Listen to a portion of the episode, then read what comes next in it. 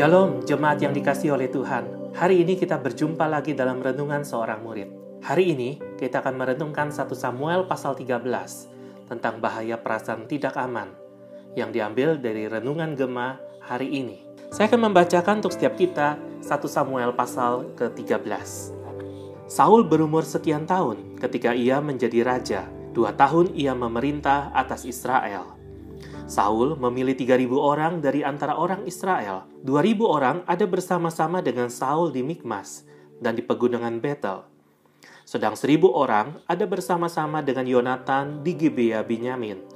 Tetapi selebihnya dari rakyat itu disuruhnya pulang, masing-masing ke kemahnya. Yonatan memukul kalah pasukan pendudukan orang Filistin yang ada di Geba, dan hal itu terdengar oleh orang Filistin karena itu, Saul menyuruh meniup sangkakala di seluruh negeri, sebab pikirnya, biarlah orang Ibrani mendengarnya. Demikianlah seluruh orang Israel mendengar kabar bahwa Saul telah memukul kala pasukan pendudukan orang Filistin, dan dengan demikian orang Israel dibenci oleh orang Filistin. Kemudian dikerahkannya lah rakyat itu untuk mengikuti Saul ke Gilgal. Adapun orang Filistin telah berkumpul untuk berperang melawan orang Israel. Dengan 3.000 kereta, 6.000 orang pasukan berkuda, dan pasukan berjalan kaki sebanyak pasir di tepi laut. Mereka bergerak maju dan berkemah di Mikmas, di sebelah timur Bet Awen. Ketika dilihat orang-orang Israel bahwa mereka terjepit, sebab rakyat memang terdesak, maka larilah rakyat bersembunyi di gua, keluk batu, bukit batu, liang batu, dan perigi Malah ada orang Ibrani yang menyeberangi arungan sungai Yordan menuju tanah Gad dan Gilead. Sedang Saul masih di Gilgal dan seluruh rakyat mengikutinya dengan gemetar. Ia menunggu tujuh hari lamanya sampai waktu yang ditentukan Samuel. Tetapi ketika Samuel tidak datang ke Gilgal, mulailah rakyat itu berserak-serak meninggalkan dia. Sebab itu Saul berkata, Bawalah kepadaku korban bakaran dan korban keselamatan itu.' Lalu ia mempersembahkan korban bakaran. Baru saja ia habis mempersembahkan korban bakaran, maka tampaklah Samuel datang. Saul pergi menyongsongnya untuk memberi salam kepadanya. Tetapi kata Samuel, "Apa yang telah kau perbuat?" Jawab Saul, "Karena aku telah melihat rakyat itu berserak-serak meninggalkan aku, dan engkau tidak datang pada waktu yang telah ditentukan. Padahal orang Filistin telah berkumpul di Mikmas, maka pikirku, Sebentar lagi orang Filistin akan menyerang aku di Gilgal. Padahal aku belum memohonkan belas kasihan Tuhan. Sebab itu aku memberanikan diri, lalu mempersembahkan korban bakaran. Kata Samuel kepada Saul, Perbuatanmu itu bodoh. Engkau tidak mengikuti perintah Tuhan Allahmu yang diperintahkannya kepadamu. Sebab sedianya Tuhan mengokohkan kerajaanmu atas orang Israel untuk selama-lamanya. Tetapi sekarang kerajaanmu tidak akan tetap, Tuhan telah memilih seorang yang berkenan di hatinya, dan Tuhan telah menunjuk dia menjadi raja atas umatnya, karena engkau tidak mengikuti apa yang diperintahkan Tuhan kepadamu. Sedemikian jauh pembacaan firman Tuhan. Mari kita berdoa mohon pimpinan roh kudus. Bapa dalam surga, hari ini kami datang kepadamu. Biar Tuhan menerangi hati dan pikiran kami. Roh Kudus memampukan kami untuk mengerti dan memahami apa yang kami baca, kami renungkan, kami dengarkan penjelasannya. Biar Tuhan menolong kami. Boleh punya satu sikap hati yang merendahkan diri di hadapan Tuhan dan mau taat kepada apa yang Tuhan minta dari hidup kami. Bimbing setiap kami Tuhan, sehingga perenungan kami hari ini boleh menjadi satu perenungan yang terus mengubahkan kami dan memimpin kami menjadi murid-Mu yang sejati. Di dalam nama Tuhan Yesus kami berdoa. Amin.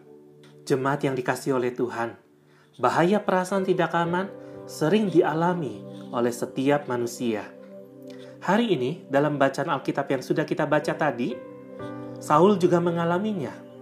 Paling tidak ada dua peristiwa yang menunjukkan bahwa Saul adalah seorang yang memiliki satu perasaan tidak aman di dalam kehidupannya yang pertama, waktu Yonatan memukul kala pasukan pendudukan orang Filistin yang ada di Geba. Dan hal itu terdengar oleh orang Filistin. Tapi yang dilakukan Saul justru menyuruh orang meniup sangkakala di seluruh negeri, supaya orang-orang berpikir bahwa Saul lah yang telah mengalahkan orang Filistin. Saul ingin mendapat penghormatan atas apa yang dilakukan oleh anaknya sendiri.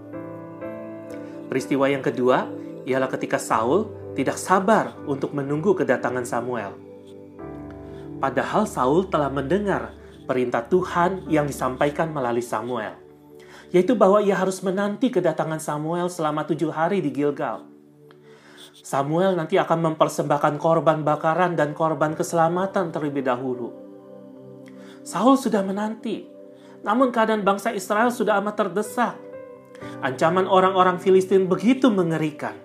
Rakyat ketakutan, sehingga mereka bersembunyi di gua, keluk batu, liang batu, dan perigi. Semua orang diliputi ketakutan yang amat besar saat menghadapi ancaman maut. Bahkan dikatakan setelah tujuh hari, rakyat mulai meninggalkan Saul.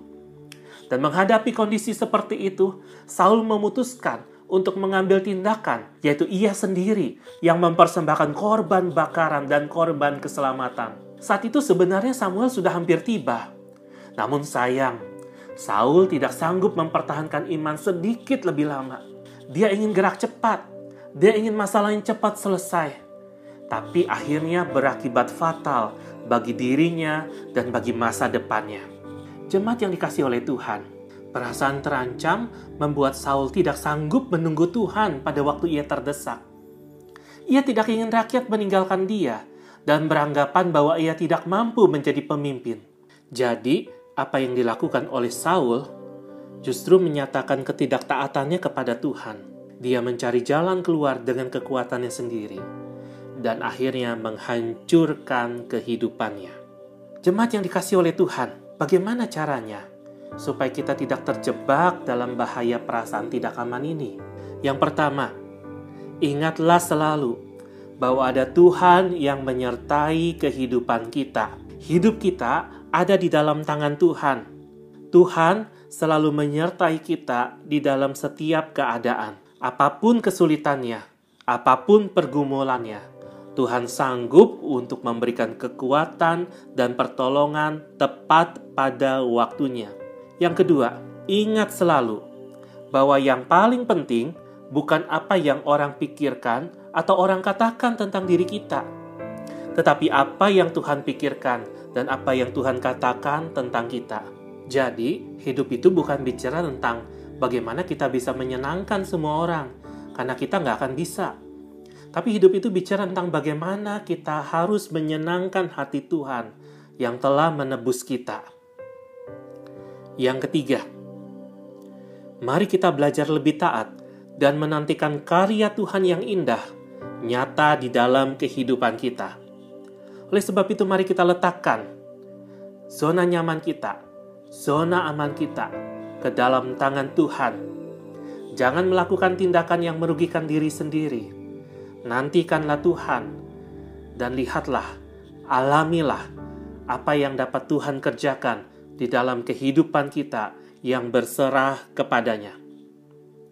Kiranya kebenaran firman Tuhan hari ini boleh menolong setiap kita untuk terus teguh dalam iman kita dan meletakkan rasa aman kita bukan pada situasi dan kondisi dunia, bukan pada perkataan atau pikiran orang-orang tentang kita, tapi kita letakkan di dalam genggaman tangan Sang Pengasih, Tuhan Yesus yang telah mengorbankan dirinya menjadi tebusan bagi saudara dan saya.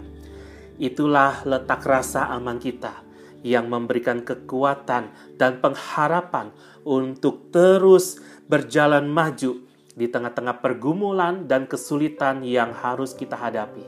Mari kita berdoa. Tuhan kami bersyukur kepadamu karena Engkaulah tempat kami boleh merasa aman, boleh merasa tenang dan damai. Padamulah kami menemukan pengharapan, padamulah kami menemukan kekuatan yang baru setiap hari, yang mampu mengatasi setiap kesulitan, tantangan, pergumulan, himpitan di dalam dunia. Tuhan sering kali setiap kami merasa sulit dengan keadaan yang terjadi di sekitar kami. Nafas kami mungkin terasa sesak, pikiran kami terasa kalut memikirkan pergumulan-pergumulan yang tidak ada ujung pangkalnya.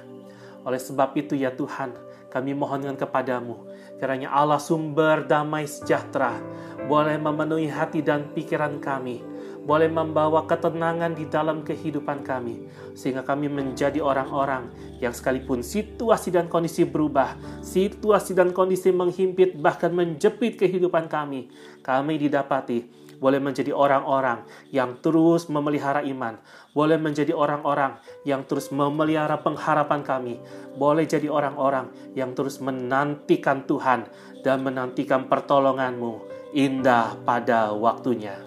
Terima kasih ya Tuhan, dengarlah doa kami. Di dalam nama Tuhan Yesus kami berdoa. Amin. Selamat menjalani hari ini. Tuhan Yesus memberkati.